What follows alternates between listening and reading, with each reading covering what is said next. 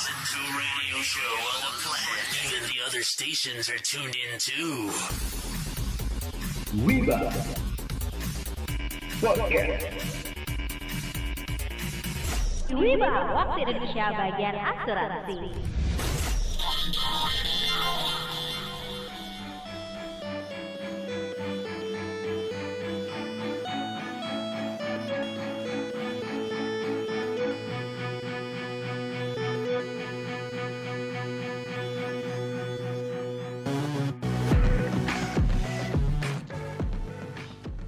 Hai hai hai, hola Wibers. Hola. Hola hola. udah, udah. Balik lagi nih Wibers di WIBA Wiba. Waktu Indonesia bagian asuransi. Yang pastinya ngobrolin asuransi secara ringan tapi berbobot. Ya, dan kali ini kita udah ada di podcast Wiba Bukan Gibah Di episode keberapa ya kira-kira ya Berapa nih? 25. Gue tahu. 25 Gua tahu, 25. Udah, Ah, iya Berempat banyak Iya, soalnya Udah kalau banyak. udah Abad. wow. Itu sama kayak umur Umur kali. gue. Umur gue 25 gitu kan. Aduh, Oh, berarti Lah. masih 23. Oke. Eh kalau seperempat abad berarti ini Wiba setahun sekali dong. Gimana sih?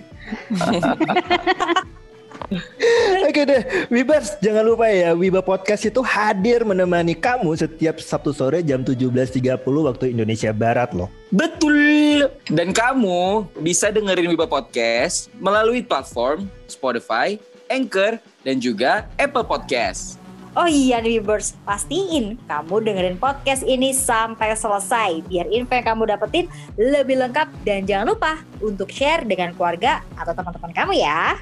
Iya, dan juga nih Wibers, jangan lupa untuk follow, like, sama komen di akun Instagram kita di @wibah.podcast. Yeay, bridging. um, teman-teman, Oi, Yuk. ah gitu dong. Jangan jangan dikacangin nih. eh teman-teman, masih ingat nggak yang minggu lalu kita ngebahas apa? Yuk yuk. Enggak, enggak ingat gue. Wadidaw. Kita Wadidaw, ngapain ya kemarin? Masih ingat ya? Jadi pos-pos duit. Betul. Nah jadi di minggu lalu tuh kan kita ngebahas ini ya teman-teman ya, payday bill pay, gajian, bayar tagihan gitu ya. Nah ternyata sampai saat ini ya teman-teman, aku masih mengalaminya. jadi gajian datang nih wo, assalamualaikum, eh seminggu, waalaikumsalam deh, sedih. Assalamualaikum gitu ya. Mm-mm. Nah makanya nih Webers dan juga teman-teman hari ini aku pengen merubah mindset. Jadi nggak cuman kita bagi-bagi pos keuangan kita aja nih teman-teman semuanya ya Webers. Kita juga harus mengubah mindset seperti itu. Se- Gimana Setuju nggak nih teman-teman? Gimana? Hmm. setuju banget. Tapi gimana caranya dong? Gimana caranya? Nah, nah, nah. Aku langsung nih teman-teman bawain Hmm. seorang wibalogis kita hari ini ya. Oke. Beliau adalah Coach Anang Hey. Wow. Yeay. Halo Coach Anang nih, Anang. Halo coach. Halo, Coach. Halo, halo, Hey. Biba. Apa Tapi percayalah. semua? Hai Mas, eh Baik, Mas Coach. Anang lagi. Kok Mas Anang, Coach Anang. Tapi sebenarnya Wibers, tadi kita tuh udah udah prepare jangan sampai ngomongnya Mas Anang dan itu udah tiga Ah. kali take loh. Baru ini take yang keempat untuk Iya. ngomong Coach Anang. It's okay, it's okay, it's okay. No problem. It's okay. Eh, coach, Ya, Coach. ya, ya. Yes, yes. Kenalan dulu Coach sama Webers semuanya yang ada di rumah. Oke. Sebutannya apa nih? Para Wibers atau para Wiba? Wibers. Para penonton gitu dia Coach. Asik, asik. Bapak-bapak, ibu-ibu ya kan? Tarik, Sel. Wibers aja Mas Wibers. Oke. oke, Semangka. siap. Webers aja Coach, Webers. Oke, halo para Wibers. Eh, kenalkan saya Anang Hermawan, gitu ya. Untuk memudahkan dan mengingat nama saya, cukup panggil saya Anang He. Background saya adalah lulusan dari Universitas Hang Tua Surabaya. sebut merek nggak apa-apa ya, Oh. karena itu alma mater. Yes, yes, yes, yes. Wah. Terus eh, saya lulus dari Master Prac eh, NLP di tahun 2017 Hmm. Dan saya memiliki sertifikat coach dan life coach serta trainer coach juga dari NCA. Pas banget kan, aku ngundangnya itu jadi biologis kita, Coach Anang He. Ini coach. Jadi masalahnya Yes. kalau Hifri itu pernah cerita nih sama teman-teman semuanya, kalau setelah gajian gitu ya coach ya, payday itu langsung bill pay coach, habis tuh semuanya. Nah kira-kira Oke. aku mau nanya nih coach, gimana sih caranya mengelola keuangan agar hidup kita tuh aman dan nyaman coach? Oke, kita samain persepsi dulu nih ya. Yang dimaksud aman dan nyaman ini seperti apa? Contohnya, biar kita sama nih persepsinya. Oke coach, jadi kalau nyaman mungkin gini ya coach ya, kalau di akhir bulan tuh nggak ngerasa worry gitu, nggak ngerasa apa namanya kayak khawatir gitu loh coach. Hmm, hmm. Gaya hidup di awal, kemudian di akhir bulan mendekati akhir bulan menurun tuh gaya hidupnya, jadi nggak nyaman gitu coach. Kalau Oke. aman mungkin lebih ke, ke namanya tagihan ya coach ya, itu kan wajib untuk di eh, kita selesaikan gitu tagihan-tagihan Yes. itu gitu kan coach. Ya. Kalau misalnya nggak kita bayar, kita jadi tidak aman tuh coach, gitu sih. Oke, yes.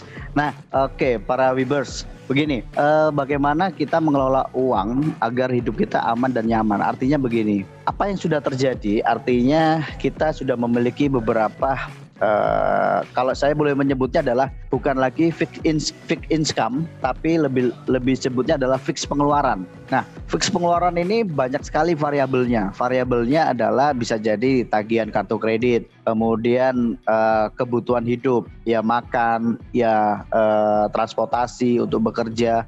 Terus kemudian kalau yang sudah memiliki rumah harus bayar tagihan listrik, tagihan PDAM, air gitu ya. Terus kemudian ada ya kebutuhan di rumah lah ya. Apalagi kalau para Webers ini sudah memiliki momongan, harus ada menyisikan untuk pembaya- pembayaran sekolah gitu ya. Nah, hal ini apa yang mesti kita rubah? Artinya bagaimana pengelolaan itu sudah eh, maksimal, tapi jangan dibuat lagi eh, lebih maksimal lagi, lebih gede lagi. Jangan. Nah, yang harus kita lakukan adalah yang pertama ini, ini kita harus tahu mana yang memang urgent untuk kita keluarkan income kita. Begitu tanggal ini kita bicara secara umum ya, tanggal satu gajian. Mungkin ada beberapa para Webers ada tanggal tua, ada tanggal muda, benar-benar tanggal muda gajiannya. Nah, ketika Anda terima salary atau gaji di bulan itu, tentunya yang harus Anda lakukan adalah penuhi dulu semua fix pengeluaran tadi. Contohnya apa? Tad- eh, selesaikan tagihan yang jatuh tempo, sisihkan untuk pembayaran sekolah untuk putra-putri. Terus kemudian kebutuhan hidup. Kebutuhan hidup ini yang fix ya, bukan yang variabel. Nah, apakah ada pengeluaran yang variabel? Ada. Nah, kita harus bisa mengontrol yang namanya pengeluaran variabel ini. Contoh, ada orang cenderung ketika ketemu teman-temannya di sebuah kafe, di sebuah resto, di sebuah tempat makan gitu ya, melihat temannya sudah makan duluan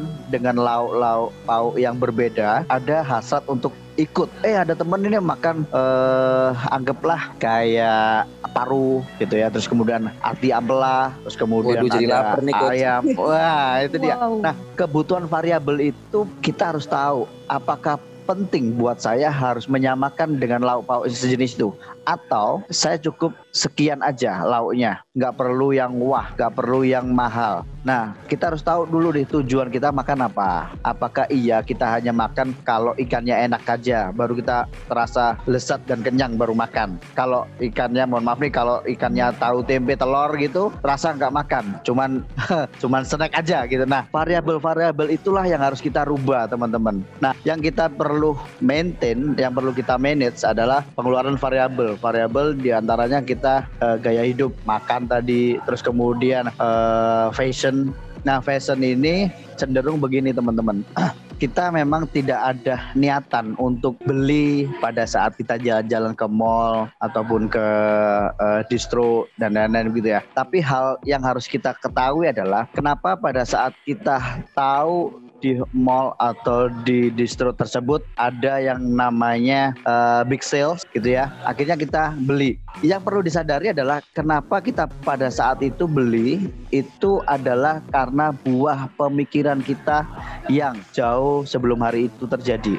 Artinya apa? Artinya begini teman-teman. Pada saat kita beli sesuatu itu adalah sudah direncanakan tetapi kita nggak inget. Nggak ingetnya kapan? Kalau kita inget itu direncanakan adalah kemarin malam saya merencanakan beli sepatu, beli tas. Nah itu baru direncanakan tadi malam. Tetapi yang dimaksud tidak direncanakan dan kita lupa sebenarnya sudah merencanakan adalah perencanaan itu terjadi sekitar seminggu atau dua minggu sebelum hari itu Anda membeli. Duh bisa? Bisa. Hal itu yang disebut adalah variabel yang memang tidak pernah kita duga. Padahal sebenarnya sudah direncanakan. Nah kenapa bisa memborong? Karena emosi mata, lapar mata biasanya nyebutnya begitu. Nah, hal ini pun juga terjadi di pengeluaran variabel tersebut. Sehingga yang harus kita lakukan adalah coba berpikir dulu seberapa penting kebutuhan variabel itu Anda lakukan. Kalau memang harus, ya kita harus menit, uh, maintain. Contoh, ketika teman-teman kepingin membeli sesuatu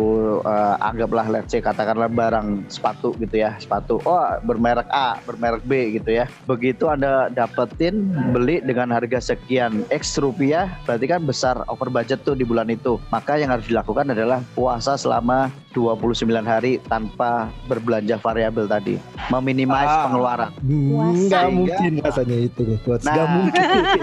Susah mas, susah banget. Gimana caranya tuh? sehingga sehingga dengan dengan begitu kita akan tahu eh, bahwa yang tadi yang ditanyakan nggak akan pernah tercapai. Kenapa? Ya dari awal kita sudah ngomong kita nggak bisa begitu. Contoh ada X rupiah, anggaplah katakanlah kasarannya di bawah satu juta, gede kan? Terus kemudian seminggu lagi ada jalan lagi lihat baju, wah bagus nih baju nih, wah kok cocok ke pesta besok nih ah, beli lagi di bawah satu juta lagi. Nggak ada duit hari itu yang dilakukan adalah pakai Kartu kredit.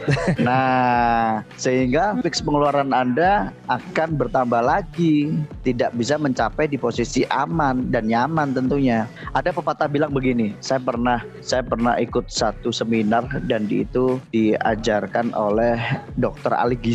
Dia bilang begini, kalau kita sarapan pagi itu sarapan pagi yang sederhana, pada saat siang kita lunch makanlah seperti Anda di berada dalam sebuah istana. Jadi silakan makan mewah. Nah, pada saat sore hari dan menjelang malam, Anda seolah-olah Anda tidak punya uang sepeser pun untuk makan. Jadi lauknya apa? Nasi atau tempe saja. Itu saja. Ini kalau bicara dari dari perbaikan eh, gizi dan mereka mau eh, menuju ke diet ya. Wah, Tapi kalau kayaknya nggak Dengar, bisa. Fixnya Denger wo, Kayaknya jangan jadi pelajaran malam-malam ini. order GoFood makannya nasi kapau, jangan. Jajan online ya. Jangan. Malam-malam nih nasi kapau GoFood mana? Jangan. nggak boleh. gitu kan kalau nggak nasi kapau ke Ah. sate sate sate gitu aduh ya Allah Nah, jadi dari situ kita bisa memaintain pengeluaran sehingga apa yang kita tu, eh, goal kita sebagai eh, yang kita mau adalah untuk aman dan nyaman itu akan eh, terpenuhi pelan-pelan. Dan bahayanya begini, bahayanya adalah kita akan mengulangi lagi ritme yang sudah pernah terjadi ketika Anda melihat tagihan kartu kredit Anda sudah mulai berkurang dari cicilan tetapnya juga sudah mulai di bulan terakhir. Nah, itu udah udah semangat-semangatnya tuh. Wah, besok nih bulan ini bulan terakhir cicilan yang tetap nih. 12 mau nyicil apa lagi ya? Nah, itu Kesentil dia. banget sih ini dari tadi ya. Kodanya terus berputar ya jadinya ya coach ya. Nah, itu nggak bisa akan apa tadi balik lagi pengeluaran fix terus ada. Bahayanya adalah ketika kapan eh, kita mendapatkan bahayanya itu adalah ketika kita memang nggak ada income yang masuk. Artinya kita dapat income yang masuk sekian X rupiah, tetapi yang dikeluarkan dari sisi fix pengeluaran itu double X. Nah, itu yang susah. pengeluaran lebih besar daripada pemasukan gitu artinya ya coach ya. Oke, coach, Betul. Kevin mau nanya Yes. lagi dong coach sedikit Boleh. Em, untuk masalah pengeluaran fix pengeluaran fix itu ya coach ya.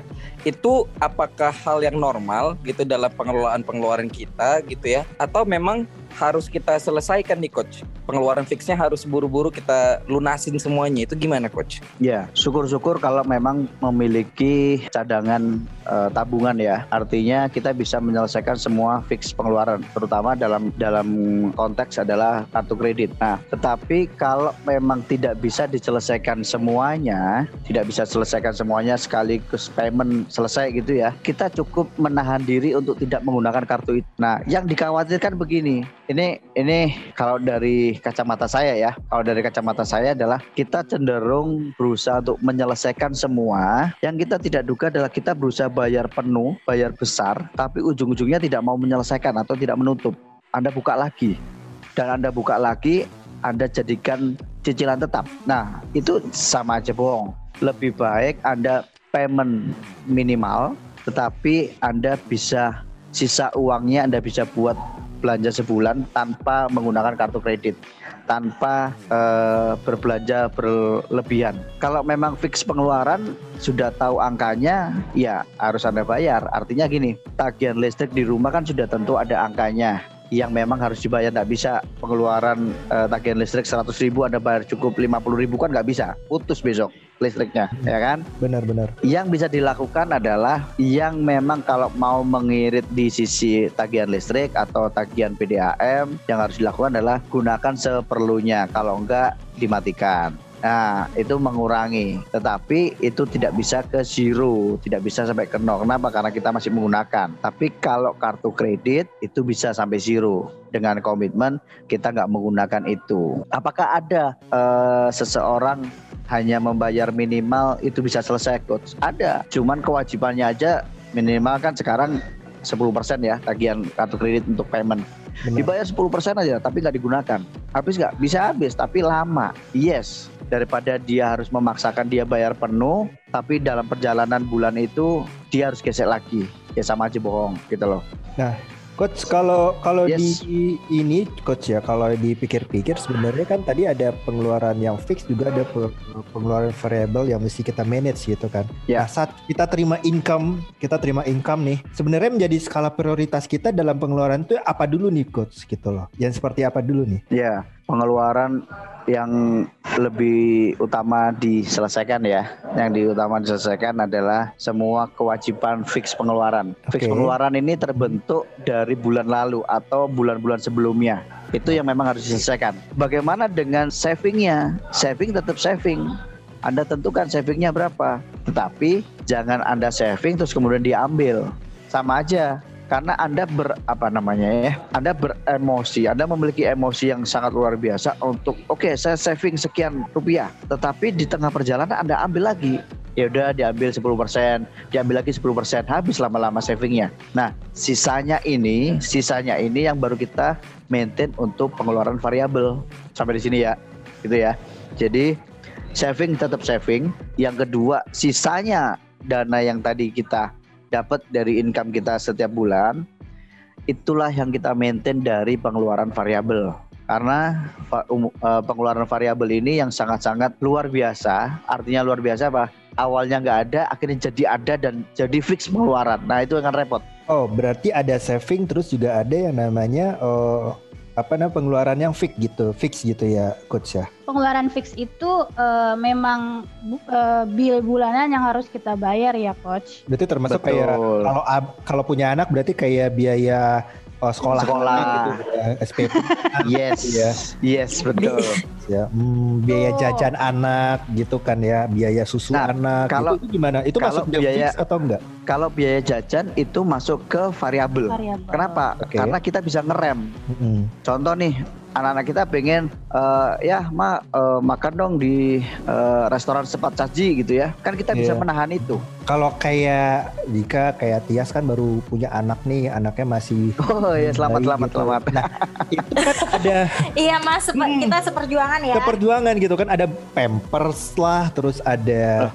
oh susu lah dan karena Iya. anak belum satu tahun gitu kan itu kan masih jam, masih umur yang berkembang gitu umurnya pasti Betul, pastinya baju betul. juga harus harus diganti lagi gitu kan harus beli Yes. dan lebih gedean lagi Iya. Itu kan, eh, pengeluaran fix atau itu masuk ke Iya. da- apa namanya yang tadi eh, Kalau- variable Variabel. variabel. Kalau kebutuhan susu, susu formula ya, kebutuhan susu formula, kebutuhan pampers, terus kemudian kebutuhan eh, kan ada anak di atas 2 tahun, tiga tahun sudah boleh makan bubur itu kan. Nah, itu itu kebutuhan fix, eh, sorry, pengeluaran fix. Yang Oh. variabel adalah bajunya itu variabel. Oh bajunya variable. Hmm, beli barang-barang bulanan kayak beli sabun, beli eh, minyak goreng itu termasuk ke dalam pengeluaran fix atau itu termasuk ke dalam eh, variable pengeluaran Variabel. variable ya. Kalau dalam jumlah jumlah standar artinya standar ini kebutuhan kita sebulan ini cukup berapa eh, sabun cair?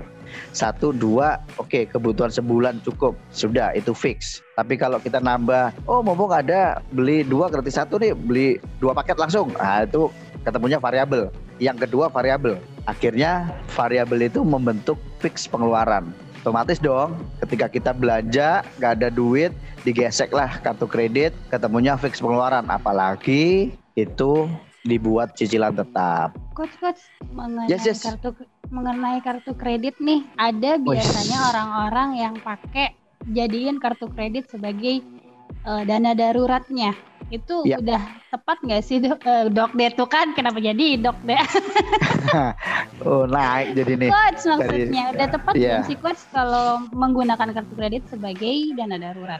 Ya, kalau menurut saya sendiri sebenarnya kurang tepat. Cuman memang ada beberapa teman-teman di luar sana itu menggunakan kartu kredit sebagai dana darurat karena satu yang harus diketahui adalah mungkin kartu limitnya eh, kartu kreditnya limitnya gede sehingga dia merasa aman dengan membawa satu kartu kredit. Nah, terkadang kita tidak tahu bahkan dirinya sendiri juga tidak tahu bagaimana kalau ketika hal ini dicairkan atau dipakai gitu ya untuk dana darurat kemudian dia harus bayarnya berapa. Nah, kalau bayarnya full payment tadi yang saya bilang itu adalah eh, kartu baru dan dibayar sebelum jatuh tanggal cetak, is okay, no problem. Tapi kalau jatuhnya dibayar setelah tanggal cetak, walaupun dibayar penuh, tetap ada bunga berjalan. Nah, itu yang akan jadi bahaya, akan masuk ke dalam fix pengeluaran lagi.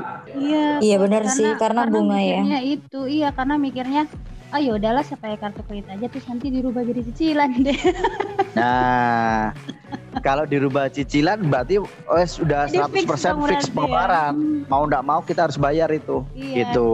Jadi kalau untuk dana darurat baiknya gimana nih coach? Nah, untuk kah? dana darurat ini kita harus tahu dulu dana darurat seperti apa. Seperti gini, contoh, dana darurat itu sebenarnya yang harus kita tahu adalah dana yang bisa dipakai untuk down payment rumah sakit. Itu dia, dana darurat. Artinya gini, ada beberapa rumah sakit itu yang memberlakukan adalah untuk down payment ketika se- eh, seorang pasien akan dirawat. Mau dia punya yang namanya eh, asuransi maupun kartu yang cashless gitu ya, tetap ada beberapa eh, rumah sakit yang mengharuskan si pasien ini atau keluarga pasien ini memberikan deposit. Nah, itu yang dimaksud dengan dana darurat. Se- Sehingga dana darurat yang dimaksud di sini adalah tidak perlu terlalu besar. Kenapa? Kalau terlalu besar cenderungnya akan dipakai. Tetapi ya. kita tahu tidak terlalu besar dan memang cukup. Nah, apakah hanya untuk keperluan deposit rumah sakit? Tidak. Tetapi misalkan untuk eksiden-eksiden kecil, contoh harus ke rawat jalan, periksa eh, gigi, mata, gitu ya, yang memang diharuskan harus bayar pada saat kita eh, berobat langsung bayar. Nah itu silakan gunakan dana darurat seperti itu. Jadi bukan dana darurat, tetapi tujuannya untuk mengcover fix pengeluaran tidak berbeda. Jadi intinya kalau untuk dana darurat pastikan yang gampang untuk dicairkan berarti ya coach ya. gampang dicairkan dan ATM-nya disembunyiin. itu itu harus pura-pura amnesia Gak taruh di mana ya. ATM gitu ya. Nah, atau atau pisahkan dompetnya gitu. Jadi dana darurat memang perlu dan kalau bisa memang harus continue. Continue tuh begini. Apakah dana darurat harus sebesar let's say katakanlah 10% dari income kita tidak tergantung kebutuhan masing-masing tapi lebih baik adalah continue? Continue apa? Continue gini misalkan seminggu sekali saya harus menyisihkan duit 20.000 ribu untuk dana darurat. Udah. Kalau 20.000 ribu itu kita bisa, kita akan cenderung oh ya 20 ribu aja uang kecil gitu. Tetapi kalau kita paksakan, oh dan darurat harus 200 ribu, apa yang terjadi seminggu kemudian? Tanggal tua sudah masuk gitu ya. Dan Ambil daruratku gitu. kok kayaknya terlalu besar deh, tak ambil 100 ribu deh. Minimal buat Tiba-tiba pegangan ada lah. adjustment ya. Iya. Itu kayak dana darurat untuk di akhir bulan kali gitu ya. Iya. Sama aja bohong ya. Sama juga bohong jadi. Nah, nah biasanya biasanya yang terjadi begitu. Jadi yang bisa disarankan adalah sisihkan tapi continue komitmen. Coach, uh, mau Yes. nanya nih Coach. Hmm, Ya. Tadi kan kita ngomongin mengenai dana darurat. Setidaknya kan kita setiap kita mendapatkan income, kita pun juga harus menyisihkan nih untuk dana darurat. Dan Yes. yang tadi sempat di-mention nih sama Mbak Giska, kan dana darurat nanti misalkan ketika terjadi sesuatu hal yang tidak diinginkan kita bisa mengambil yang namanya uh, likuiditas dari dana darurat tersebut. Nah, Yes. ngomongin masalah dana darurat sama kita punya proteksi. Misalkan nih, kalau misalkan darurat kan terjadi sesuatu hal, apakah itu misalkan bencana kecil atau besar, kita bisa pakai dana darurat. Tapi kalau misalkan bedanya sama asuransi, Coach, Ya, bisa dijelasin nggak? Apakah itu dua hal yang berbedakah? Ataukah kita harus seperti apa mengelola kedua hal tersebut atau gimana? jelas beda. Dana darurat dengan asuransi sangat-sangat berbeda. Berbedanya di mana? kalau kita bicara dari sisi dana darurat itu adalah memang skalanya kecil. Skalanya kita bisa mengcover itu. Tetapi ketika kita bicara dari sisi berapa banyak biaya pengeluaran untuk sebuah e, kesehatan, apakah dana darurat bisa mencukupi? Bisa, tetapi akan lama. Nah, dalam hal ini adalah seperti ini analoginya. Ketika kita masih kecil para Wibers ya, kita kehilangan duit Eh, seribu seribu ya. Seribu jangan seratus ribu. Gedean kalau anak kecil kehilangan seratus ribu gedean seribu aja kita mintanya ganti ke siapa? Ke mama papa betul ya? Ma apa duitku hilang. Di mana? Nggak tahu. Di jalan. Dan lain-lain. Minta dikasih seribu. Ini kan uangku yang tadi hilang. Aku kan hari ini belum dikasih mama lagi sama papa. Mintalah seribu lagi. Jadi dua ribu. Nah ketika anak kecil saja mengasuransikan uangnya kepada orang tuanya maka orang tuanya akan mengasuransikan ke siapa? Atas dirinya. Berarti ke mama papa atau ke kakek neneknya anak-anak kita. Nah, berarti asuransi itu sangat-sangat penting. Pentingnya di mana? Gini. Asuransi ini memang kadangkala membuat kita tidak melihat pada sudut pandang yang benar. Artinya apa? Artinya begini, asuransi itu tidak akan pernah bekerja ketika kita sehat, ketika kita baik-baik saja. Nah, sudut pandang yang terjadi adalah bahwa ketika kita baik-baik saja, kita sehat-sehat saja, maka kita membeli asuransi itu adalah sebuah kerugian besar. Nah, kenapa paradigma ini keluar, paradigma ini muncul ke permukaan? Bisa jadi dari beberapa oknum penjual asuransi atau dalam kasus ini kita sebutnya adalah oknum agent asuransi yang mis-sellingnya di situ. Walaupun setahun, dua tahun, tiga tahun, bahkan bertahun-tahun dia bergulit sebagai seorang penjual eh, asuransi, ternyata belum juga memahami apa itu eh, asuransi sehingga edukasi yang ada ke masyarakat yang ada di masyarakat bahwa membeli asuransi adalah sebuah kerugian besar. No. Akhirnya menganggap masyarakat bahwa asuransi ini bukan skala prioritas dalam eh, kehidupan. Saya kasih contoh begini. Kita itu cenderung eh, melihat sesuatu yang tampak gitu ya. Akhirnya artinya apa? Asuransi apakah tidak tampak? Tidak. Sebenarnya tampak dengan jelas. Jelasnya apa? Jelasnya kita mendapatkan sebuah dokumen yang berisi perjanjian dan secara legal, secara sah di hukum Indonesia dan itu diakui gitu kan. Nah, analoginya begini.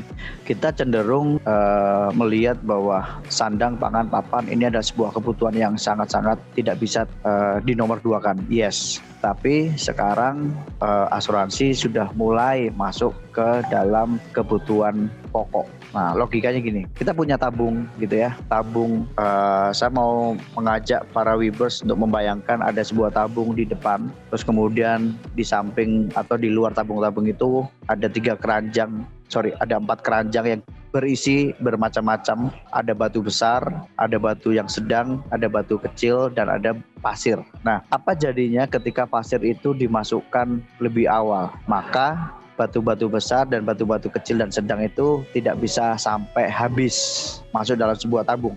Nah, yang harus kita lakukan adalah batu-batu besar tadi dan batu sedang dan batu kecil itu kita masukkan dulu. Nah, pasir baru yang terakhir. Kenapa pasir terakhir? Karena semuanya akan bisa masuk dalam sebuah tabung. Nah, kita ibaratkan adalah batu besar ini adalah sandang, kemudian eh, batu sedang ini adalah eh, pangan dan batu kecil ini adalah papan, kemudian yang pasir ini adalah asuransi. Sehingga sebenarnya walaupun kita sudah memenuhi sandang pangan ini, tetapi asuransi ini juga diperlukan. Jadi sehingga ketika terjadi resiko, resikonya apa? Resiko ada yang namanya sakit kritis, kecelakaan, tua, eh, cacat total, dan hidup lebih lama. Ini resiko. Semuanya membutuhkan yang namanya sebuah eh, proteksi income atau kenyamanan atau kekuatan finansial. Nah, dengan adanya kita membeli asuransi inilah yang akan mengcover kelima hal tersebut,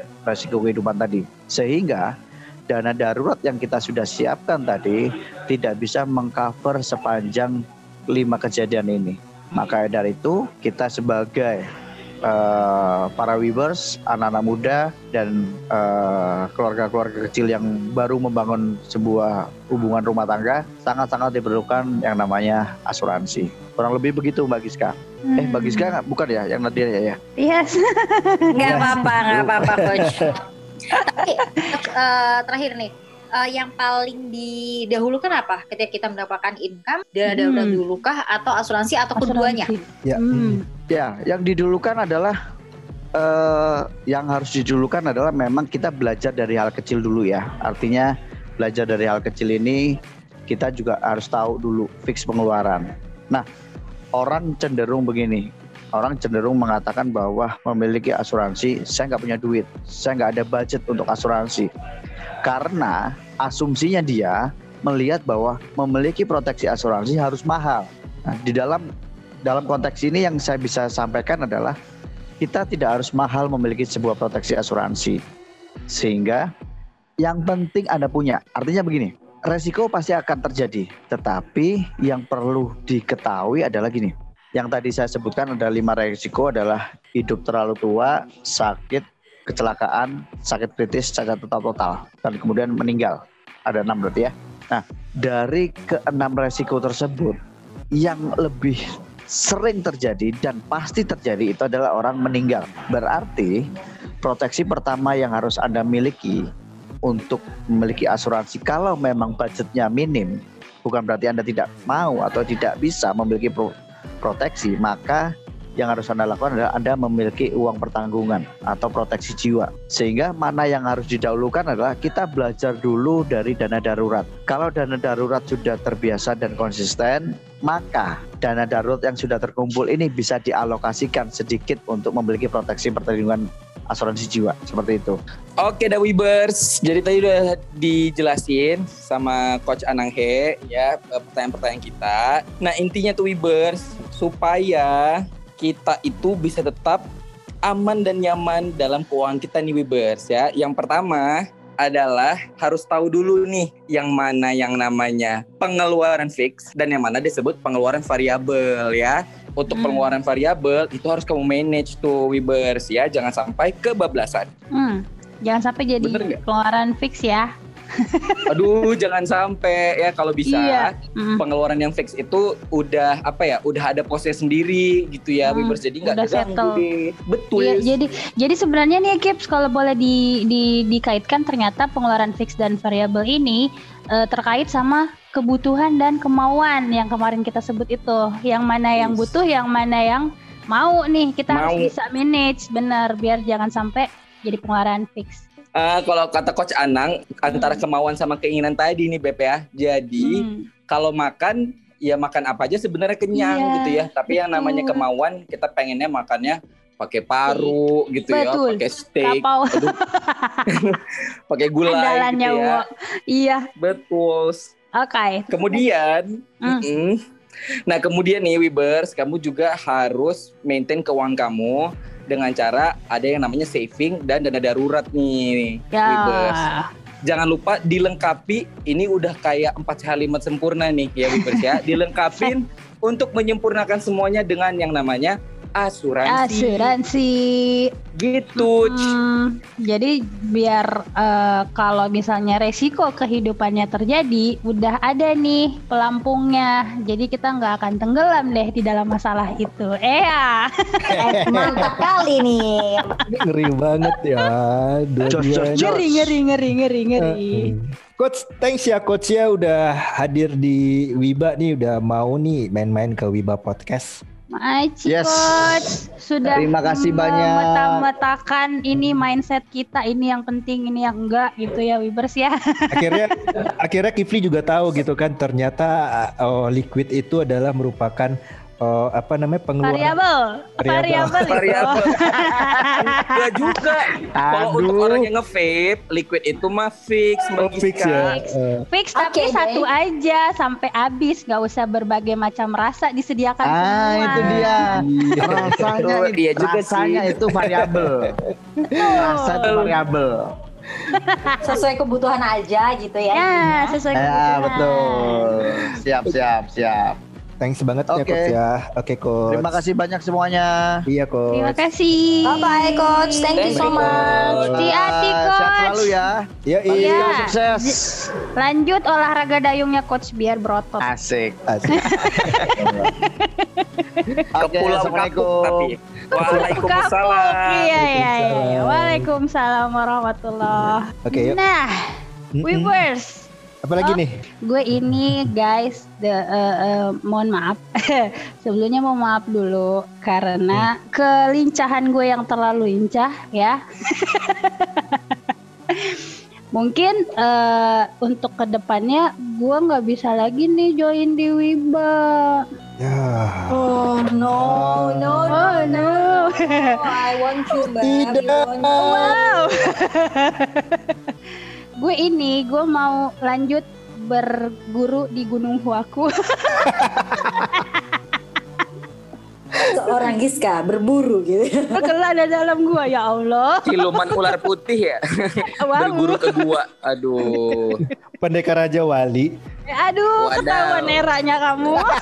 Ya Allah. Siluman laba-laba. Nggak ngerti itu apa. Putri Huanzu ada yang tahu nggak sih Putri Aduh, Huanzu? tahu dong. Itu Gue tahu, gue tahu. Huancu, Aduh, suka banget tuh. Iya, jadi aku tuh mau belajar lagi. Belajar lagi. Oh, mau sekolah lagi. Insya Allah rencananya begitu. Bagis, Bagis. Hmm, hmm. Jadi selama kamu berkelana ke negara yang non jauh di sana, Ah, siapakah yang menggantikan dirimu di Wiba Iya, ini? maunya siapa? Hai, ada any request kah? Aku nggak mau perempuan sendiri Mbak Giska. Nah, Nggak bisa perempuan gitu. dong. Kasian ya, jangan, jangan sampai kamu diintimidasi oleh dua lelaki, enggak satu setengah lelaki ini. Aduh, jangan dibocorin dong. Oke, ya Allah. jadi yang setengah yang mana ya? Enggak, saya nggak nyebut merek yang mana yang tadi yang memberikan reaksi kayaknya itulah ya. Iya, jangan dibocorin dong. Siapa coba antara Ya kami loh? malah gitu pertanyaan. Iya, jadi eh, untuk berikutnya eh, Wiba akan tetap berempat ya, ada Mm-mm. dua dua eh, sat- masing-masing setengah laki-laki ada dan ada lagi satu yang buat nemenin Mbak Tia siapa dia nih aku udah ajakin nih hola Halo, Webers. Aduh, ini siapa Wah. ya? Yugu kan Apa suaranya ya? Yugu kan Imut suaranya ya. Oke. Sepertinya Kifli akan senang dengan suara-suara seperti ini. seger ya Bo oke aku Seger pamit banget. ya guys deh cacau Yes, Giska sign ya, out cacau Dadah Mbak Gis. Thank you Mbak Gis. Iya, bakal kangen sih. Kirim salam sama Putri Huanzu ya. Oke deh kalau gitu eh, Thanks Giska, Giska di Wiba yang sampai 25 episode Udah hadir di Ya udah hadir di Wiba 25 episode. Thanks banget eh, atas semuanya.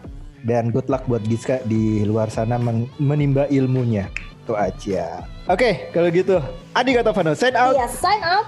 Wacile sign out. Dan Putri Wanju sign out. Dadah. Assalamualaikum warahmatullahi wabarakatuh And you. Bye bye. Ciao. Cepawa sejiwe ya syai.